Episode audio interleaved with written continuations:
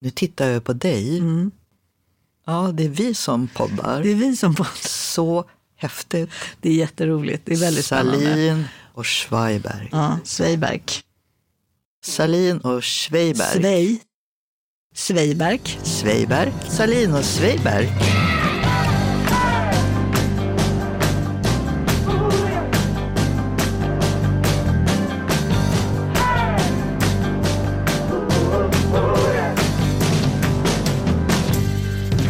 Det, jag återupptäcker Stockholm nu med alla kollektivtrafik som jag inte har åkt på många, många år. Känn, men, det- känn, kan du, få- får du göra det i fred? Liksom? Är det folk Ja, som, mitt på dagen. Folk Ja. tittar ju sådär. Men Ja. idag fick jag vara i fred och då är det en bra dag. Men, eh, men inte, du känner att du drar dig för det på kvällen? Ja, vissa ställen, vissa Ja. klockslag. Ja, Stureplan klockan två, nej. Inte Stureplan. Men det jag tänkte på var det här, Ja. Vad är det som gör att livet blir som det blir? Mm. Eh, Är det jag som har bestämt? Är det någon annan som har bestämt? Och jag kommer ofta tillbaka till att det snarare är händelser, alltså Mm. saker som någon annan har tänkt eller gjort som påverkar mig. Men jag tänker Mona, alltså det här händelser som har påverkat ens liv och som liksom har bestämt ens liv på något sätt eller puttat ens, ens, en i olika riktningar. Men du har ju liksom, du är ju en sån otroligt offentlig person. Ehm, har det, det måste ju ha påverkat ditt liv väldigt mycket. Eller göra fortfarande tänker jag. Eh, eh, ja, på båda frågorna. Det, det har påverkat och det påverkar ju fortfarande både mig och min familj på olika sätt. Men det är också så märkligt för i början eh, så var det ju roligaste man kunde tänka sig att bli känd. Att folk skulle känna igen en.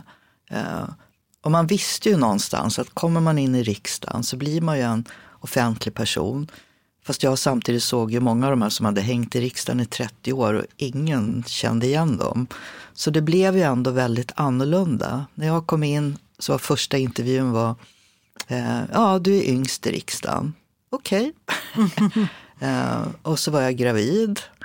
Eh, Så man började ju med att göra sig osams med alla gubbar i riksdagen. Så vad ska du in hit och göra när du ändå ska vara ledig på en gång? Men offentligheten var en kompis från början. Eh, För om du är ensam tjej, vilket jag var i så många sammanhang, så var det lättare att få uppmärksamhet om man inte drog sig undan uppdraget att vara kvinnan, utan utnyttjade det. Och om jag är en ung kvinna så sätter jag på mig en kort kjol så blir uppmärksamheten ännu bättre. Och så använder jag det i riksdagen i debatter så att gubben i fråga blir generad för att jag pratar om att mina kjolar är lite för korta. Så i början var det ju bara fördelar med att vara offentlig. Eh, Att påverka politiken, ja, då måste man söka konflikter, söka uppmärksamhet och så veta vad man gör av den. Men offentligheten var ju både att man blev granskad hela tiden, inte bara för det man gjorde och det man sa, utan också hur man såg ut. Eh, Jag fick alltid kommentarer om det. Jag har aldrig varit någon liksom lång klänningsmänniska. Jag har alltid varit en jeans och kavajmänniska. Och det vill jag ju fortsätta vara. Så offentligheten bråkade med mig lika mycket som jag liksom gillade den och sökte upp den. Eh, en vecka utan att man var med i någon tidning var en dålig vecka. Eh, ja. Det kändes så, det var intressant. Att Ja. Du tyckte det var så. Det var ju liksom- min, min väg att få makt i politiken var ju att använda offentligheten till, om inte jag fick igenom något i riksdagsgruppen, då kunde man ju ge en intervju om den frågan i Expressen och så hade man ändå kvar pressen på, på den frågan. Eh, Så det där lärde jag mig tidigt och, och var nog bra på att utnyttja. Men be- berätta om de knepen liksom, för att synas. Eh, Ja, men ett av knepen var ju det där med kjolen. Det var ju min absolut första... Jag fick ju vara med i en partiledardebatt. Eh, Det var jag och Ingvar Carlsson. På den tiden fick S ha två personer. Eh, Och jag satt bredvid Ian Wachtmeister som satt på andra sidan. Som kom insläpande på en stor väska. Som jag tittade, för han ställde den mellan oss. Jag tänkte, vad har han med sig? Och där låg det maracas och eh, klingklang-grejer och tuter. Så jag tänkte, men gud vad tänker han göra? Det var helt sjukt. Eh, men då hade jag en debatt med Olof Johansson. Mm. Då sa han någonting om att ja, men ni socialdemokrater, ni har minsann velat göra precis det jag tänker göra och nu skäller ni på att det är dåligt. Ni vill ju det själva. Och då sa jag då till honom, men du, du kan inte gömma dig bakom mina kjolar Olof, för de är för korta för det.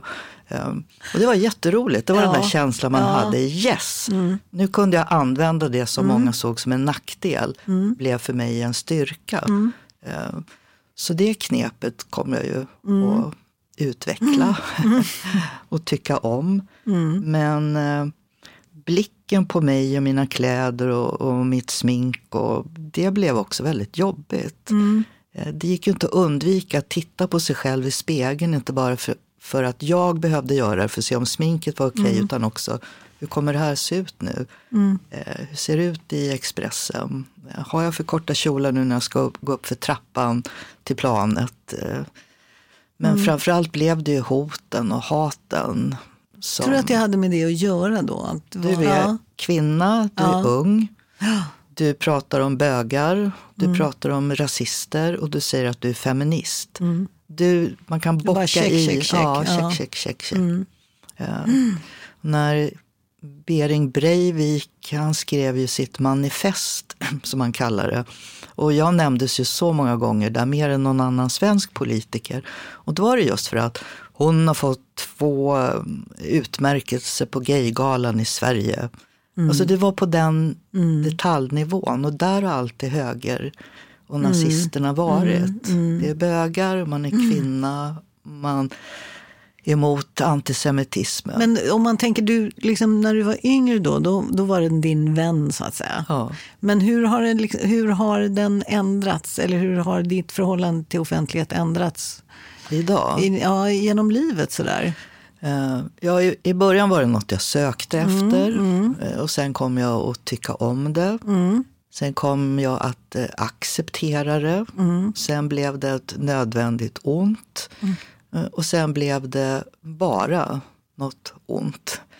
Det känns som en hel cirkel som, mm. som har gått runt. Har du genom livet förhållit dig till din bild av offentlighet? Att du tänkt nu är jag sedd som så här.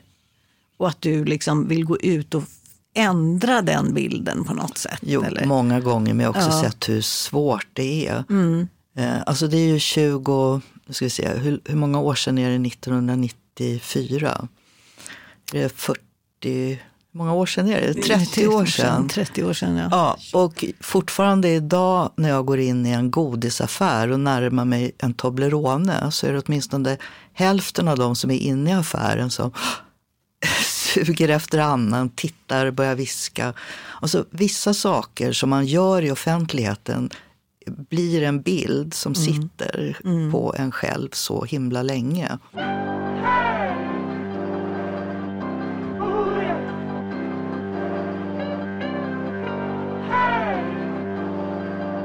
Så ibland stöter man på saker som liksom knuffar en Absolut, i en ja, annan precis, riktning exakt. än vad man tänkte. Jag tänker ofta på min, min pappa.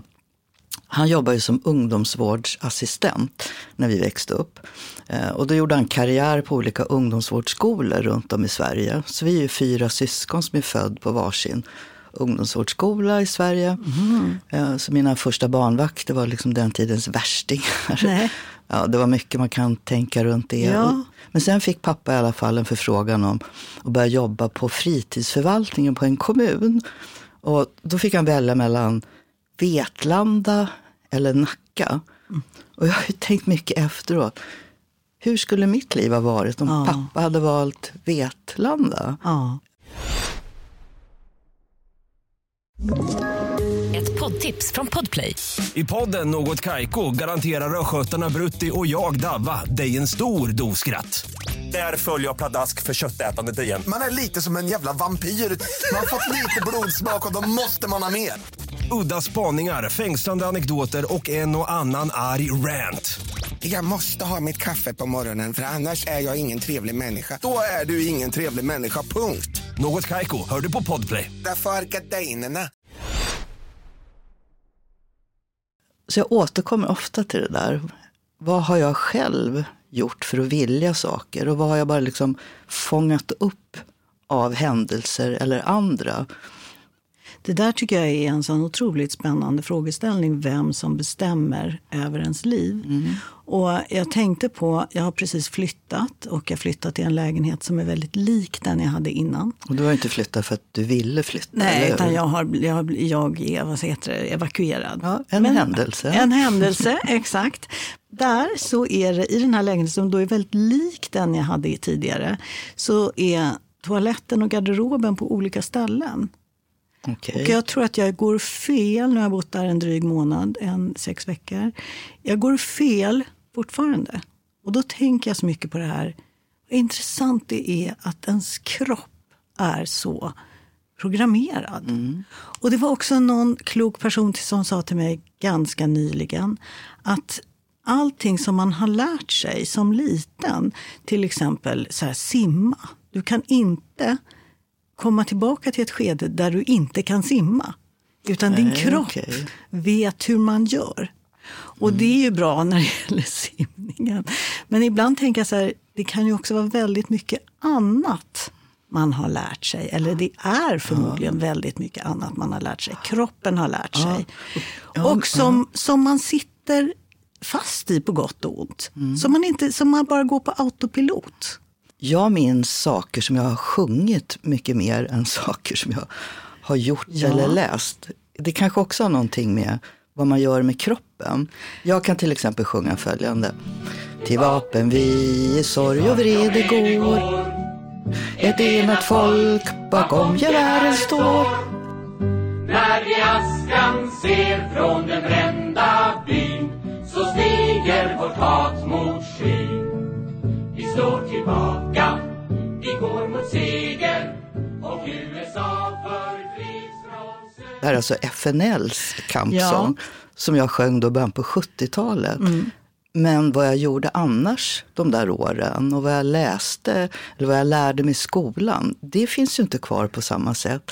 Men det jag gör när jag sjunger eller hör på musik minns jag mer. Jag gick i Blåvingarna och kan den där Hör hur sången klingar Blåvingarnas sång det är Vi raska flickor, vi vill ju alltid så förbli Gud, så Tralala. går i raska flickor.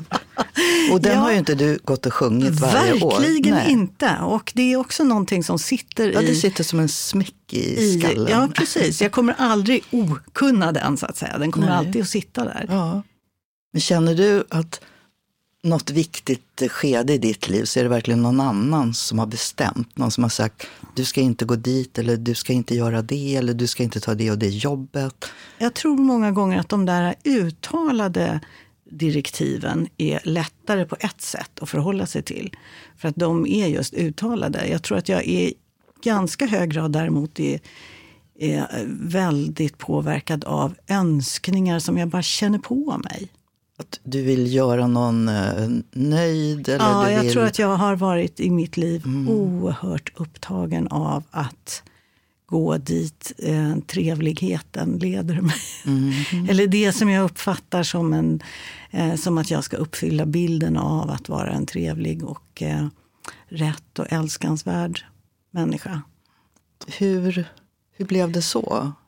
Jag vet inte. Det har, det, har, det har nog eh, tagit mig många, mycket möda att försöka ta reda på varför jag blev så otroligt tillagsinställd väldigt tidigt i livet. Alltså verkligen när du var en liten flicka? Ja. Det som du, ja okej. Ja, jag tycker att jag har utvecklats till att bli en människa som har blivit väldigt bra på att hantera mig själv och andra människor eller på något sätt. Men betyder det att du liksom har tassat runt svåra saker? Mm. Jag har eh, tassat mycket. Jag vet inte om det är när vi, om man ska gå tillbaka till sin barndom och tänka så här, okej, min, min, eh, mina föräldrar skildes när jag var tre år. Jag tror att det var ett stort trauma. Eh, och att för mig, och att jag eh, upplevde att jag eh, hade, fick väldigt stort ansvar redan som treåring.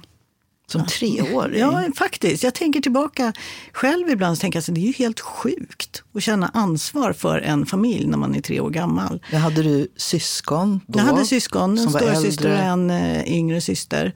Och jag vet inte hur de upplevde det, om de upplevde någonting liknande. Men jag kände i alla fall någon typ av ansvar och att jag förstod att det var väldigt, väldigt viktigt att jag skötte mig på olika sätt. Genom att vara eh, duktig och trevlig och snäll. Och, eh, eh, sen vet jag ju att det där höll ju liksom inte riktigt. Men vad, kände du att okej, jag måste sköta mig annars?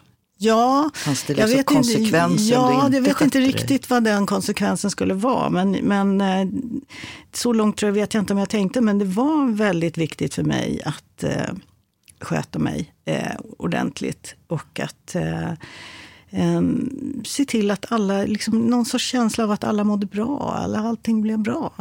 Och, och att du var tvungen att, att backa tillbaka själv för att andra ja, skulle må precis. bra. Men samtidigt vet jag ju att det där höll ju inte. Jag kommer ihåg den där känslan när jag gick i skolan. Att jag alltid hade sån himla oordning på allting. Att jag tittar ner min skolväska och bara, herregud, vad är det här för lappar? Och är någon lapp här skulle man ta med sig hem och få påskriven och jag vet inte var den ligger. Och, och alla mina pennor och allting. Alltså jag hade ju samtidigt den där känslan av att jag gick genom livet med den här röriga sko skolväskan. Liksom att jag hade någonting, något, något kaos. Något dolt. Någon dold kaos som jag liksom inte kunde ha- hantera riktigt. Känner du det idag med? Ja, det kan få lättare släng av det. Det, det, det tror jag. En lättare släng av. Ja, men jag som, ja.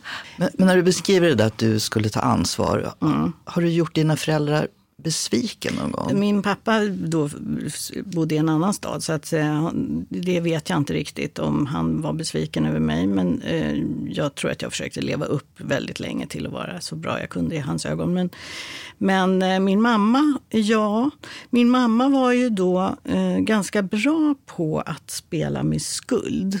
Alltså, Så att hon var mycket sådär, ja, tyst om man hade gjort något dåligt. Och att jag blev oerhört förtvivlad när jag gjorde någonting dåligt. vad, vad, vad gör en liten flicka som är dåligt? Nej men det kunde vara just sådär att om jag hade gjort någonting fult. Jag kommer ihåg någon gång till exempel i skolan. Det var ju också väldigt speciellt eftersom min mamma var lärare på samma skola som jag gick i. Så att hade jag gjort någonting i skolan så fick hon ju alltid reda på det. Jag hade, ju liksom inte, jag hade ju alltid ögon på mig på det sättet. Och att jag vet någon gång när jag liksom satt i min skolbok, jag tror jag räknade. Och så upptäckte jag så här, wow det finns facit här. Oj! Så jag satt liksom utan att riktigt tänka mig för och fyllde i så här, var jättenöjd. Gud vad snabbt det går. Och det där kommer jag ihåg just att liksom sen när jag kom hem från skolan den dagen, att min mamma var så här, Helena, jag måste prata med dig. Jag bara, va? Och så liksom framstod det där, och jag hade fuskat och det var liksom så stort. Och jag var helt, då var jag helt förtvivlad, för jag tyckte verkligen att det var så förfärligt. Jag kunde liksom inte komma ur det. Min lärare rev bort facitdelen. Ja, det hade varit bättre i mitt fall om man hade gjort Det det, kanske. jag hade inte varit lika...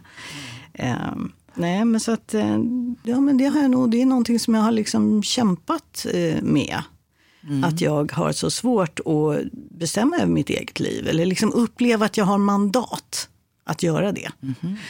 Då är vi väldigt olika. Ja, det är Jag känner kanske... precis tvärtom. Ja. Jag har liksom dragit mig till, eh, där tror ingen jag ska vara, då går jag dit. Ja. Eh, och det där tror ingen jag vågar säga, då säger jag det. Jag har ofta Men- sökt mig till ytterkanterna, liksom. Mm. Både i musikval, i killar, eller på att säga. Ja. Vad, vad är det i ditt liv då som gör att du tror att du har hamnat där? Ja, min, eh, jag tror, fast jag är långt ifrån säker, att eh, då kommer vi tillbaka till min pappa igen. Jag är ju äldsta barnet eh, och pappa betyder jätte, jättemycket för mig. Och han sa alltid när jag frågade om någonting, liksom, pappa varför tror du de gör så? Så sa alltid pappa, vad tror du? Det var någonting att man hela tiden avkrävdes en egen åsikt. Så din pappa sa egentligen undersök det? Ja, men verkligen. Ja. Det var verkligen så. Men å andra sidan kanske jag då har gjort kontroversiella saker, i alla fall när jag var yngre, just för att göra honom stolt över att jag inte bara följde med utan tog mina egna steg. Men känner du att du någon gång gjorde din pappa besviken? Att han tyckte att du mesade ur eller någonting sånt? Så jag tänkte mycket på det när, när pappa gick bort. Eh, och till min stora glädje måste jag säga att nej, jag kan faktiskt inte minnas eller känna att, eh, att pappa kände sig besviken eller att jag gjorde något som gjorde honom besviken. Jag kan faktiskt inte det. Nej, vad skönt. Eh, Ett poddtips från Podplay. I fallen jag aldrig glömmer djupdyker Hasse Aro i arbetet bakom några av Sveriges mest uppseendeväckande brottsutredningar. Går vi in med hemlig telefonavlyssning och, och då upplever vi att vi får en total förändring av hans beteende. Vad är det som händer nu? Vem är det som läcker? Och så säger han att jag är kriminell, jag har varit kriminell i hela mitt liv men att mörda ett barn, där går min gräns. Nya säsongen av Fallen jag aldrig glömmer på Podplay. Nu kan man säga så att min uppväxt, alltså pappa tog ju alltid den enkla vägen. Eh, Det var ju mamma som fick slita och kämpa, vilket jag förstod först långt senare. Pappa var den som kom hem liksom och hade köpt 41 bullar. och pappa sa, ah, nu har jag köpt en båt. Eh, Och så hade vi en båt en sommar som vi inte alls hade råd med. Och ingen kunde köra båten. Och pappa krockade med båten hela tiden. Och mamma var den som fick reda upp och betala räkningarna. Men vems parti tog du då som barn? Tyckte du att han var den roliga hon, den tråkiga? Ja, jag gjorde det. Jag tog ju pappas parti hela tiden. Så det känner jag som en besvikelse över mig själv. Att inte jag riktigt såg mamma. Kom du ihåg när du, brytningspunkten när du såg henne? Eh, ja, det var faktiskt när jag själv fick barn. Som jag plötsligt såg eh, att jag var ett barn till mamma. Och vem hade egentligen funnits där när jag var liten? Vem gick jag till när jag grät? Vem ropade jag på när jag hade slagit mig? Och det var ju mamma. Eh, Så det var en ganska plågsam känsla måste jag säga. För man tänker, jag borde ha sagt något. Jag borde ha visat mamma betydligt mer.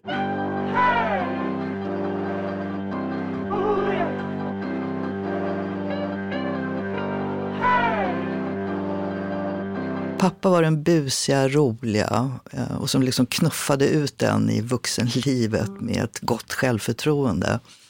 Men mamma var först, som sagt, när jag själv blev mamma som jag kände hon. Men tror du din mamma, kände hon sig besviken över att det var så här? Tyckte hon att det var orättvist? Ja, det är jag ganska säker på. att eh, Hon kände sig ledsen. Framförallt jag och min brorsa. För vi var de som ja, blev mer självständiga och utåt. eh, Medan de yngre syskonen var mycket mer med mamma. Eh, Så kände jag nog. Och sen tänkte man också, för mamma hon, hon var ju hemmafru hela tiden. Hon födde alltså fyra barn inom sex år. Jag tänkte, men herregud, nu tänker jag på det. Hur Ja, orkade hon? orkar Fyra hon? barn. Exakt. Och hon var hemma helt och hållet. Eh, Och sen när yngsta syrran började på lekis, som jag tror det hette då, några timmar i veckan, då började mamma söka efter jobb.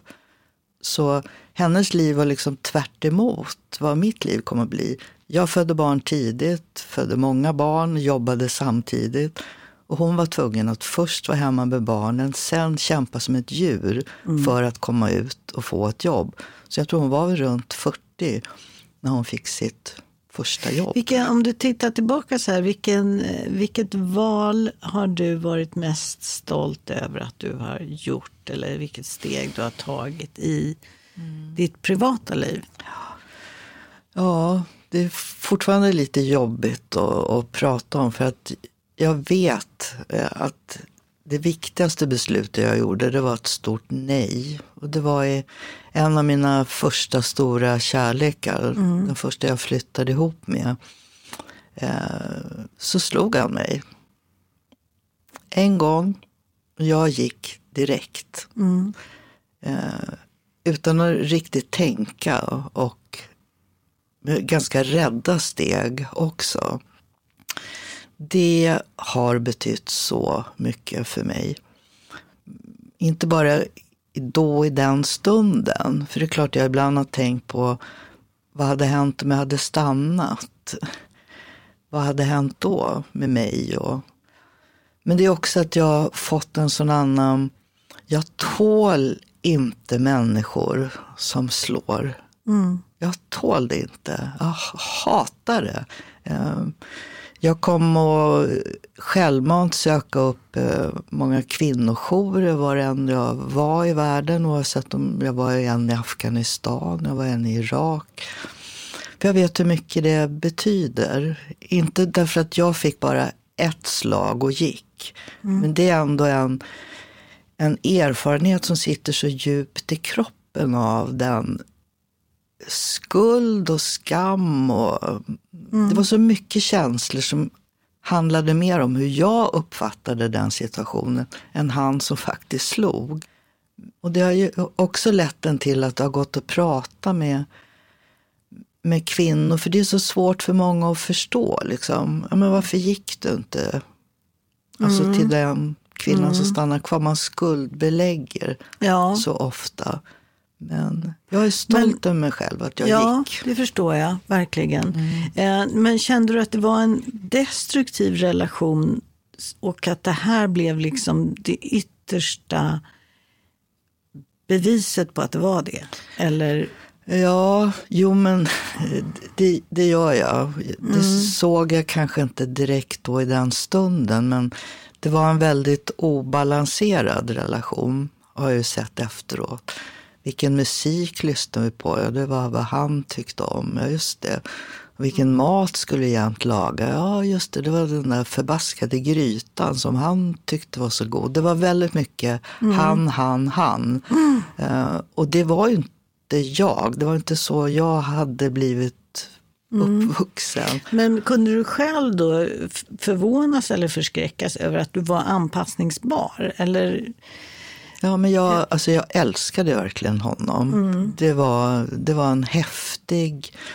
Eh, allt överskuggades liksom av den här oerhörda förälskelsen som jag kände. Den där första, jag tror alla kan känna den där första stora, stora förälskelsen. Men i samma stund som den där eh, slaget kom så rann ju allt det över mig inombords med att hela vårt förhållande hade varit en väntan på att det där skulle ske. mm, du hade, känn, hade du en Ja. känning på att det kommer? Förr eller Ja, senare förr kommer eller det. senare kommer det. Ja. Ja. Och hur präglade det dig då att leva i en relation där du liksom på något sätt gick och väntade på det? Eller kände den... Vårt förhållande var så ojämlikt för att han var som han var och jag köpte hela den. Och han var från en bakgrund där alltid mannen bestämde. Så det var så mycket som tog tid för mig att förstå. På det viset är jag, det låter knäppt, lite tacksam över att det där slaget kom. För att då avslutade jag något som jag kanske aldrig borde ha gett mig in i. Men det förstod jag ju inte. Nej, Nej jag förstår. Och det fick dig då att liksom lämna någonting som var på ett sätt destruktivt för dig kanske? som var destruktivt. Redan innan. Och som jag är säker på hade blivit ännu mer om Mm. jag hade stannat.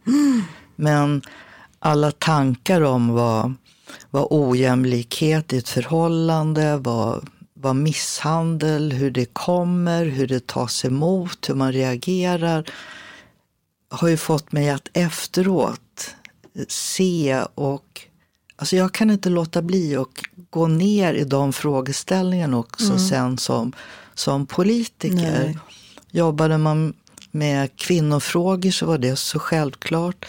Jobbade jag med hbtq-frågor så fanns ju också där en dold sida i den grupperingen som inte talade så mycket om att också där fanns väldigt mycket misshandel och ojämlikhet. Så det kom att prägla mig väldigt mycket som jag inte såg den gången när jag drog efter andan, tittade förvånat började gråta, gick de där tio stegen ut till dörren, öppnade, slängde igen den, tryckte på hissen och var livrädd för att hissen inte skulle komma innan han skulle öppna dörren och komma ja. ut. Men jag tror han stannade bara kvar för han såg nog på mig att nu var det kört. Ja. Nu gick hon. ja, du tvekade aldrig. Nej, och det jag, du frågade om jag var stolt över något. Mm. Det är jag stolt över. Det var en sida av mig själv som jag inte riktigt hade sett och som jag är då och nu är stolt Mm. över. Jag kunde säga nej. Jag kunde gå. Två tungor har mitt hjärta Två viljor har mitt sinn älskar dig för evigt. Och jag blir aldrig din. Djupt i det röda mörkret fick livet dubbel form. Där kuttrar det en duva Där väser det en orm. Tänker du nu så här idag att din uppväxt i en trygg kärnfamilj gav dig en viss typ av vaccin eller vad man ska säga i den situationen? Ja, men, men också att min uppväxt var så trygg att jag trodde att alla var goda. Eh, Det finns ju en sida av det där att få ett sånt självförtroende att du, du är säker på att du hanterar allt. Eh, Alltså godtrogenhet? Ja, lite, Ja. lite så. Den gränsen tror jag är väldigt liksom smal när självsäkerhet blir en, en trygghet eller när det blir en, en svaghet för att du litar för mycket på att du själv kan hantera varenda situation du hamnar i. Men du då? Kom igen nu, vad är du riktigt stolt över? Alltså, Ett beslut, en händelse, det där gjorde jag. Min spontana tanke var bara, gud jag letar i en tom påse här. Eh, Nej, så ska Nej, du letar vara. i den där röriga Nej, väskan Jag som du letar i den i. röriga väskan. Exakt. Mm. Exakt, och där ska väl finnas någonting. Jo, men jag kan känna att jag har gjort, eh, jag kan vara stolt över att jag på något sätt aldrig ger upp Mhm. riktigt. Det är, jag är en, en, det är som någon av mina barn sa någon gång så här, du är inte så stark kanske men du är väldigt seg. och då tänker jag, ja, det är bra, jag är ju nog ganska seg. Och, eh, nej, så att jag tycker nog att jag har, eh, eh, ja, nej men jag är nog så, jag är stolt över, jag är stolt över liksom saker jag har gjort, böcker jag har skrivit kan jag vara stolt över någon eller liksom, eh, och relationer jag valt och att skaffa barn och ja, sådana saker. Men jag har inte som du den där ögonblicket där jag känner att den där gjorde jag bra. Nej, jag tror inte det. Samtidigt gillar jag verkligen det där ordet. Så här, jag är stolt över att jag är så seg. ja, det, det finns en så här lågintensiv fighterskap i det liksom. Ja. Eller fighter-feeling. Ja, Att- Det var ju ett ännu bättre uttryck tycker jag. Men när du själv beskriver det som den, vad sa du, den lidande kvinnan som hoppas någon Ja. ska komma och rädda dig. Ja, nej, men att jag, ibland kan jag känna sådär att jag har haft svårt att ta de där liksom modiga stora stegen. För att jag har trott att jag inte riktigt haft mandat eller att jag kan göra någon ledsen. Eller att jag kan liksom, och då måste jag på något sätt plikta med att det kostar, att jag är lidande, att jag inte kan göra på ett annat Okej, sätt. det är ett pris som du måste ja, betala. precis. Lite så. Men har det varit så hela tiden känner du? Nej, det har det inte. Det, det är, det, nej, det ska jag inte säga. Ja, det låter så här när jag berättar. Det är ofta så när man pratar så här. Och speciellt om man som jag då har författarjobbet. När man liksom hela tiden går efter de här eh, spännande underströmmarna på något sätt. Sen finns det ju en annan sida också där jag har eh, eh, inte beter mig så. Eller där jag har lärt mig saker på vägen. Men allt, allt hör ju ihop ändå. Ja. Eller hur? Ja. Även om man inte är lidande hela livet så, Nej. så är det en del av den du är idag? Jag tror att det finns en, en liksom idealbild av mig av att vara en sån som står ut och som är liksom klok och uthärdar. Och, ja. Alltså, jag tänker alltid på dig som en väldigt modig person.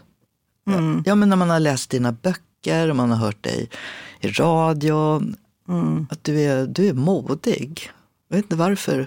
Men så Nej, känner det är märkligt för det är också många människor som säger det till mig, att jag är en modig människa. Men tänk om du är det? Ja, tänk om jag är det fast jag inte fattar. Ja. Det är möjligt att det kan vara så. Ja.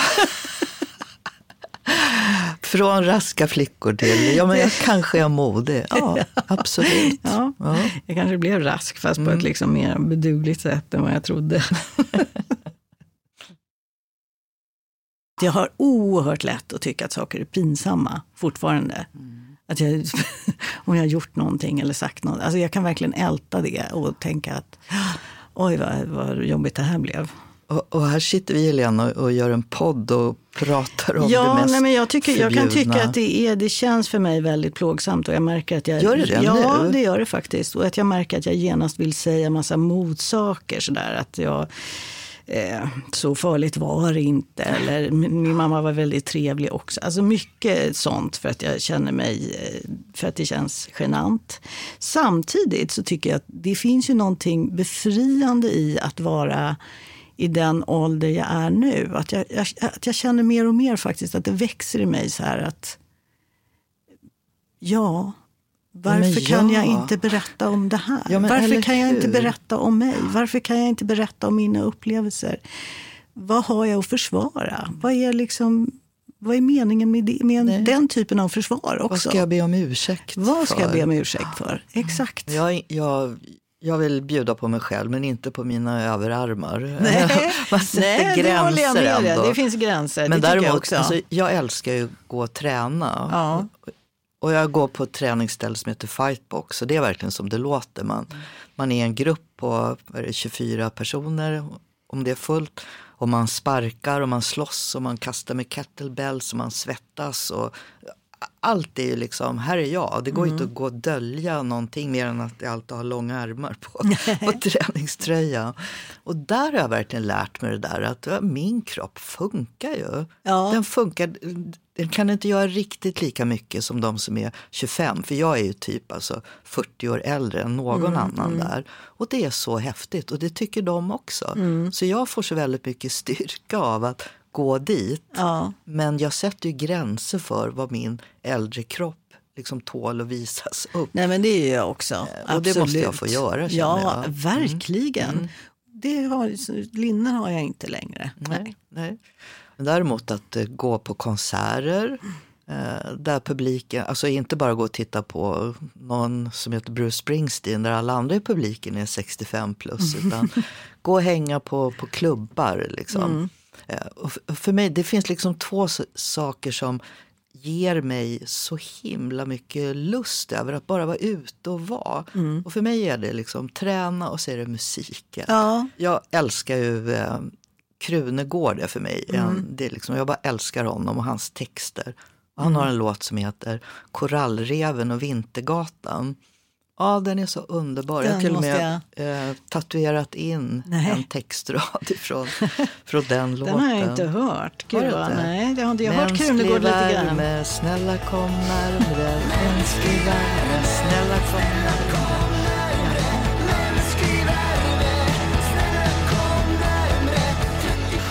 Hej då till dig Helena. Ja, och hej Mona. ser fram emot nästa samtal vi har. jag också. Hej då. Hej.